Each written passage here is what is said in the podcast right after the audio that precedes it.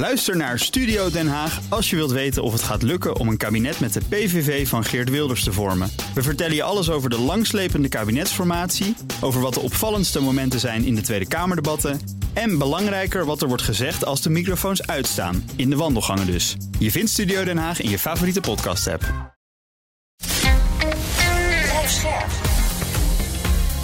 BNR Nieuwsradio.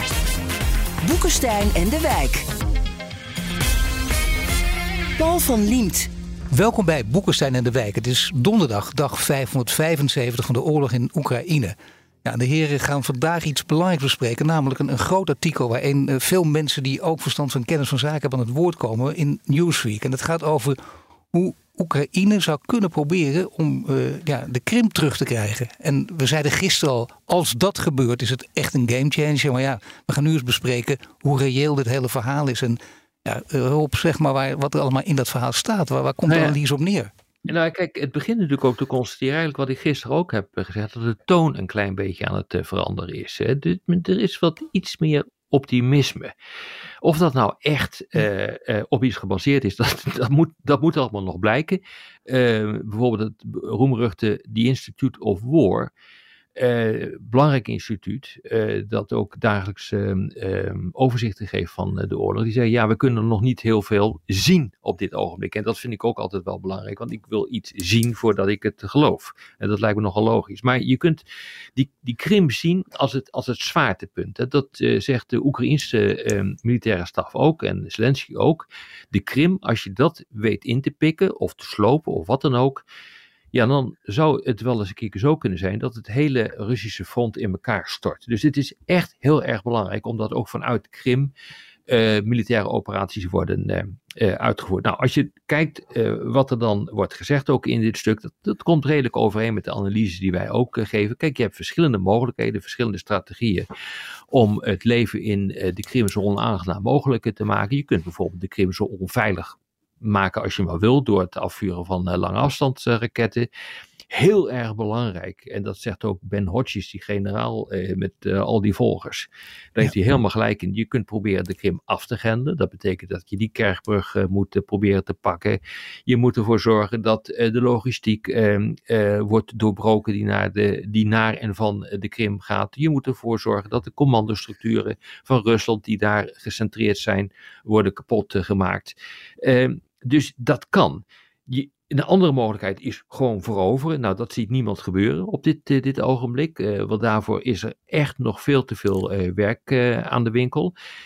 maar je hoeft niet per se de Krim te veroveren. om de aanval te ontregelen. Je kunt, nou ja, en dan kom ik weer terug bij wat Hodges zei. En die, die pleit dan ook uh, voor lange afstandssystemen, zoals die ATACMS die nog niet uh, geleverd worden, of ja. uh, Taurus systeem, de kruisraketten uit Duitsland. Als je dat doet, dan ben je wel in staat om ervoor te zorgen dat um, ja, die logistiek ontregeld wordt en dat het leven in, in, in de Krim heel erg onaangenaam wordt. En dan hoop je dat de boel in elkaar zakt. Ja, dat is een beetje de analyse van het stuk. Hè? Ja. En uh, het is heel duidelijk. Kijk, als dat zou lukken, dan zou dat inderdaad uh, doorslaggevend zijn. De ja. ellende is, hoe krijg je het voor elkaar? Nou, eerst even de positieve kant. Het is natuurlijk ongelooflijk wat er uh, afgelopen dagen ook gebeurd is met die twee schepen. Dat krijgen ze dan toch weer voor elkaar. Hè? Ze hebben ook die Moskwa gezonken. Dat is allemaal heel erg bemoedigend. Maar je hebt ook ja, ook amfibische schepen misschien nodig. Hè? Dat, dat, heeft Oekraïne volgens mij veel te weinig. Je moet toch uiteindelijk ook troepen op de grond. Je kan niet alles doen met ATACMS of zo. Weet je wel? Die hebben ze Nou ja, nog niet.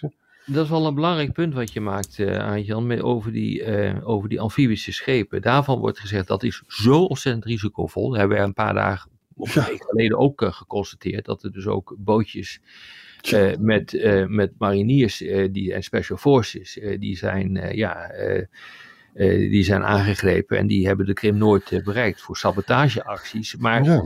en, en, in, in dat gebied, waar de uh, Oekraïnse marine eigenlijk niet echt actief is, maar waar uh, de controle wordt uitgeoefend door Rusland, is het wel heel erg lastig om een amfibische operatie uit te. Want je knalt ze gewoon uit de boot. Ja, dat, dat, dat, dat, heeft dus niet zoveel zin. Dus het enige wat je volgens mij inderdaad kan doen, en daar ga ik wel mee met Hodges, is dat je probeert om door middel van lange afstandssystemen eh, de toevoer en afvoer van de Krim zoveel mogelijk te ontregelen, maar ook de militaire doelen daaruit te onttrekken. En dan maar hopen eh, dat de boel uiteindelijk in elkaar zakt. En wat je natuurlijk ook hoopt, is dat het zo'n bende wordt op die Krim, dat de mensen zeggen van, eh, ik, ik vertrek.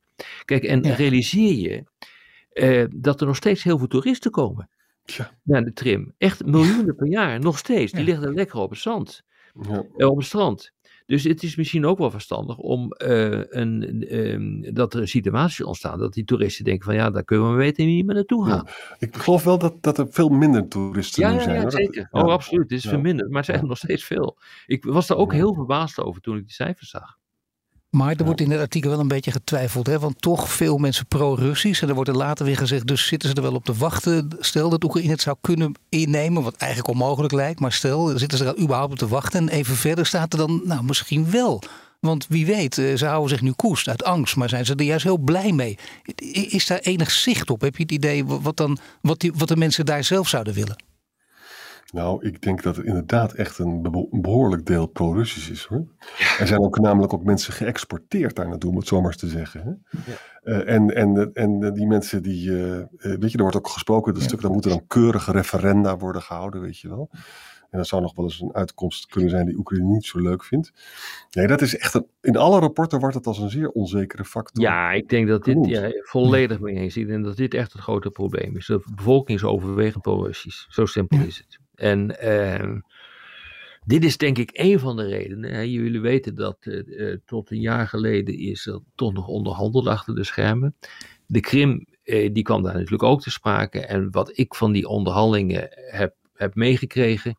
En wat, wat dus gewoon ook in kranten heeft gestaan en allerlei blogs en weet ik veel wat.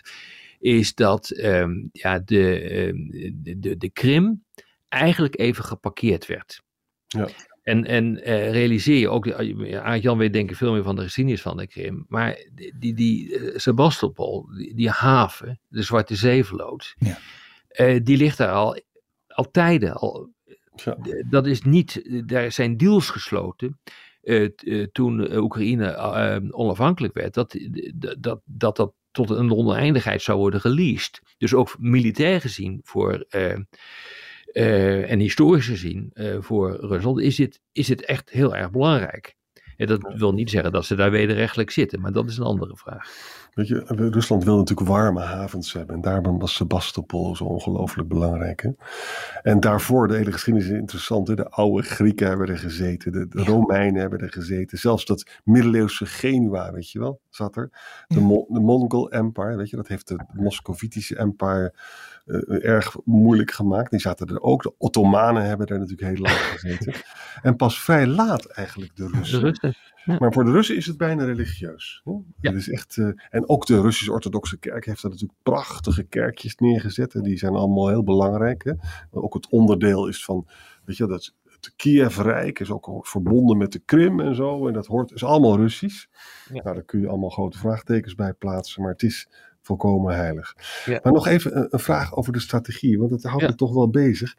Weet je, ik geloof dus niet in amfibische operaties. Dat geloof ik niet. Wat ik wel in geloof is dat, je, dat het misschien mogelijk is als die ATACMS zouden komen en ook die Taurus hè, van de Duitsers dan, is nog steeds denkbaar dat dat toch gaat gebeuren. Hè?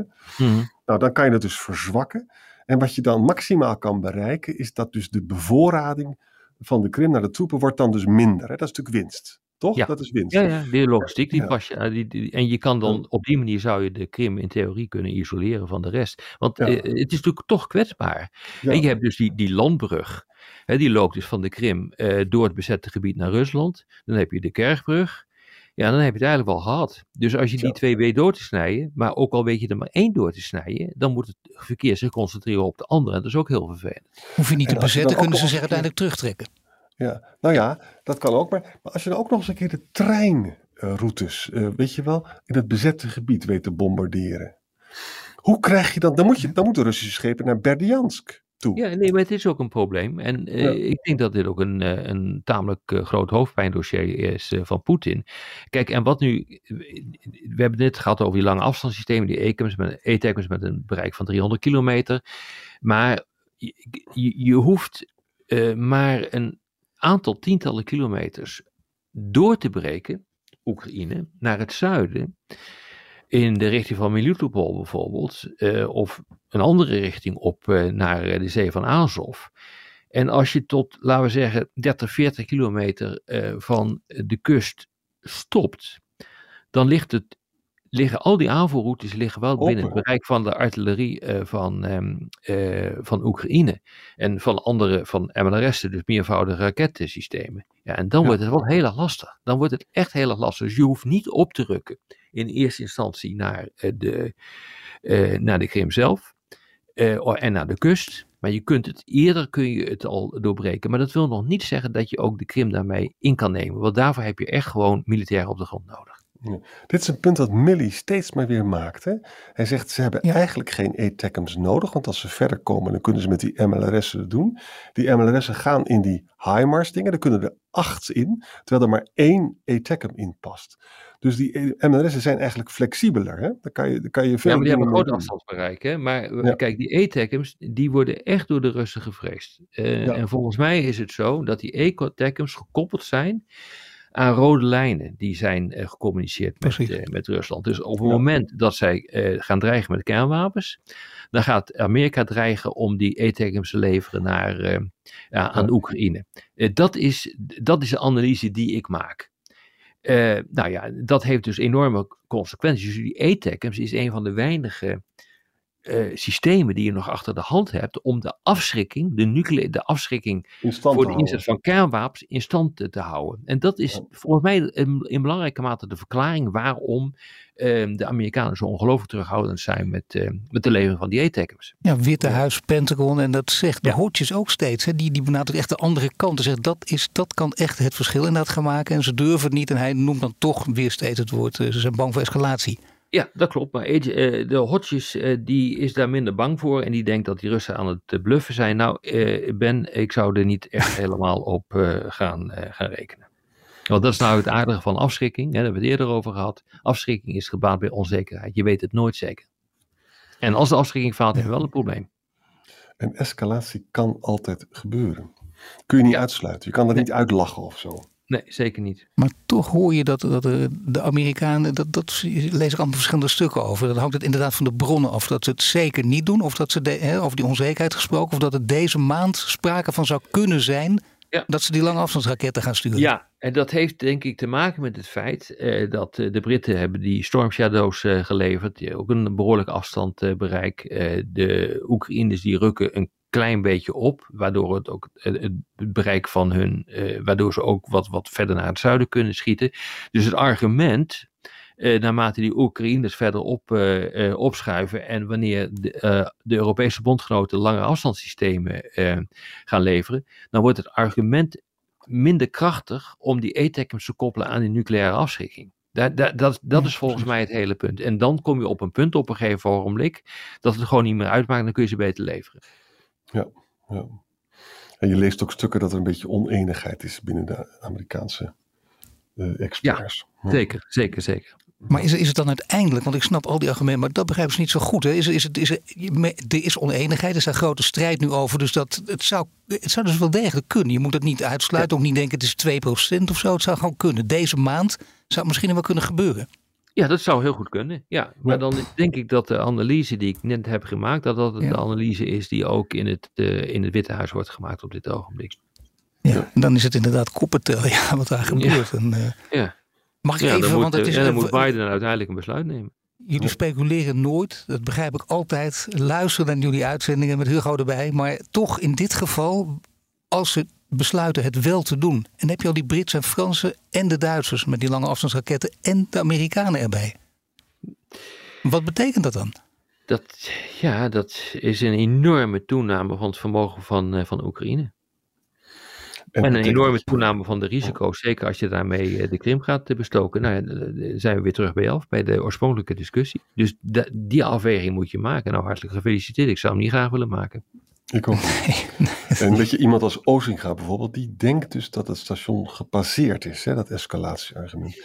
Maar dat is niet zeker. Dat is, en moet je voorstellen, bekijk het nou vanuit Poetin. Hè? Poetin heeft weer een nederlaag geleden met die twee schepen bij de Krim. Niet gezellig hoor. Het is bepaald niet gezellig daar. Ik zou, dat, ik zou er nooit op durven, uh, op durven rekenen dat dat een gepasseerd station is, die escalatie. Dat, dat, dat kan gewoon niet. Maar je weet namelijk ook gewoon niet wat er achter de schermen uh, uh, gebeurt. en af en toe weten we wel iets, dan weten we dat Burns, de CIA-directeur, praat in, in Turkije of waar dan ook met zijn counterpart. Maar er gebeuren een hele hoop dingen achter de schermen. En die, die rode lijnen die zijn er. En die moet je ook vooral niet overschrijden. In een aantal gevallen gebeurt dat wel en dan gebeurt er niks. Maar dat, bijvoorbeeld F-16 leveren of uh, we hebben het op de tanks gezien. Er zijn allemaal rode lijnen door de Russen ge, geformuleerd. Die zijn allemaal overschreden en er is niks gebeurd. Dus, maar je kunt niet zeggen dat er dus dan nooit iets gebeurt. Dat, dat kun je, je weet het gewoon niet. Dat is het hele punt. Maar dat is ook het aarde van afschrikking. Dat, dat, dat is geloofwaardig bij de gratie van onzekerheid. Maar we weten één ding zeker. Oekraïne eh, heeft gaten geslagen, echte gaten geslagen in de Russische verdediging van de Krim. Er zijn meer mensen, onder andere Ozinga, die dat zegt. Die doen dat nadrukkelijk. Dan moeten de Russen zich echt uh, Ja, nee, ze maken zich natuurlijk ook buitengewoon veel zorgen op dit ogenblik. Dat kan niet anders. Ja. Maar bedenk ook, Paul, van het was Kiev hè, was dus al een grote disaster. Hè? Het is gewoon helemaal misgegaan. Als hij langzaam, als hij die Krim verliest en langzamerhand ook de Donbass Welk, welk verhaal heeft Poetin dan nog? Dat, dat is gewoon toch verschrikkelijk als dat gebeurt. Ja. Ja. Dus dan gaat, hij, dan gaat hij iets doen. Ja. Lijkt mij. Ja. Nou ja, nee, dit is inderdaad onzekerheid Een hele geluk dat het in een podcast beschouwd kan worden dat wij niet aan hier die beslissing moeten nemen. En jullie, nee, nou ja, hoewel ik, ik weet het jullie zouden dat denk ik aan kunnen nu, maar toch, dat durf je bijna niet. Dit is niet te doen. Ik, zou dit, eh, ik, nee, maar dat is natuurlijk wat je moet doen als je president bent van de Verenigde Staten. Ja.